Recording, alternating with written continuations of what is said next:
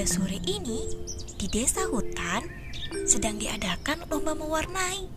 Banyak sekali anak-anak hewan mengikuti perlombaan ini. Di tengah riuhnya keramaian, ternyata Moti si monyet dan Gaga si gajah mengikuti perlombaan. Hai Gaga, aku tidak menyangka kamu akan mengikuti perlombaan ini. Wah, kamu tahu tidak Gaga? Sejak semalam, aku sudah berlatih sangat keras untuk dapat ikut lomba ini. Hmm, aku sangat ingin mewarnai sebagus-bagusnya dan menjadi juara di perlombaan ini. Tegur Moti kepada Gaga. Wah, Moti, ternyata kamu mengikuti juga perlombaan ini. Aku juga tidak menyangka. Aku juga sama Moti. Sejak semalam, aku sangat kepikiran sekali dengan perlombaan ini. Bahkan aku sampai memimpikannya. Aku juga tidak sabar untuk menjadi seorang pemenang di perlombaan ini. Ungkap Gaga kepada Moti. Tak lama setelah itu, panitia mengumumkan para peserta untuk mengambil nomor urut. Tak disengaja, Moti dan Gaga mendapatkan nomor urut yang berdekatan. Akhirnya, setelah mengambil nomor urut, Moti dan Gaga berjalan bersama menuju tempat duduknya. Sebelum acara dimulai, Moti dan Gaga mempersiapkan diri di tempat duduknya masing-masing. Gaga mengeluarkan beberapa alat tulis, pensil warna, dan juga penggaris. Moti juga melakukan hal yang sama. Moti mengambil krayon dan beberapa menyerut pensil warnanya.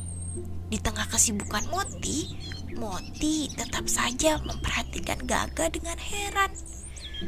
Ia sendiri bingung. Hmm, mengapa tangan Gaga besar sekali ya? Jarinya pun besar. Beda dengan tanganku. Jari-jariku panjang dan kecil.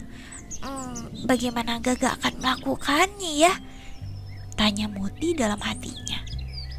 Gaga yang dari tadi duduk di samping Moti merasa diperhatikan oleh Moti. Akhirnya ia mencoba menanya kepada Moti. Ehm, Moti, apa yang sedang kamu lakukan dari tadi? Mengapa kamu terus saja memperhatikan aku? Tanya Gaga kepada Moti. Tidak, tidak, aku tidak memperhatikanmu, Gaga. Kemudian Moti lanjutkan dengan mengambil pensil dan merautnya. Moti berpura-pura agar Gaga tidak tahu rasa penasarannya. Namun semakin lama penasaran Moti semakin menjadi. Ia terus saja melihat kaki si Gaga. Moti, sejak tadi kamu memperhatikan kakiku terus. Hmm, tidak apa-apa Moti. Jika kamu berkata jujur dan ingin melihat kakiku, lihat saja. Tidak salah kok. Daripada kamu memperhatikan diam-diam, aku merasa tidak nyaman. Ungkap Gaga kepada Moti. Moti yang mendengar kata-kata Gaga sangat terkejut. Mm, mm, mm, tidak Gaga. Mm, baiklah, sejak tadi aku memperhatikan kakimu. Mm, aku bingung, kakimu kan sangat besar jarimu pun besar.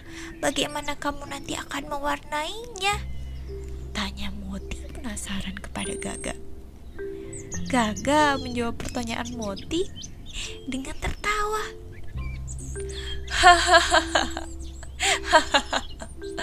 Moti, Moti, sejak tadi kamu penasaran akan hal itu. Hmm, perhatikan saja nanti Moti. Pasti kamu akan tahu bagaimana cara aku mewarnai sebagus yang aku bisa. Ungkap Gaga kepada Moti. Tak lama selesai percakapan mereka, lomba mewarnai pun dimulai. Panitia mulai membagikan kertas gambar kepada setiap peserta.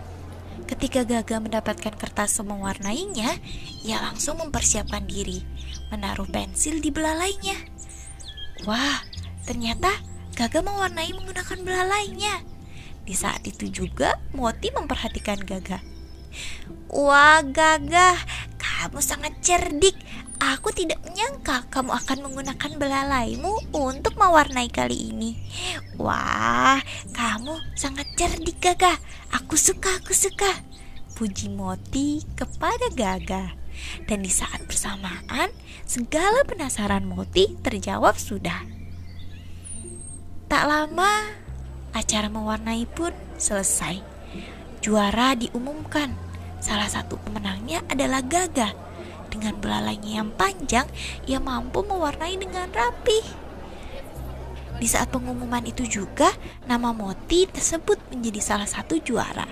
Pada perlombaan kali ini, Moti dan Gaga sama-sama menjadi juara. Mereka sangat senang. Moti sangat menghargai Gaga dengan usahanya, begitu pula dengan Gaga. Pada akhirnya, Gaga pulang dengan membawa kebahagiaan sebagai pemenang. Begitu pula dengan Moti. Ia pulang membawa kebahagiaan sebagai pemenang dan juga telah membayar rasa penasarannya terhadap Gaga.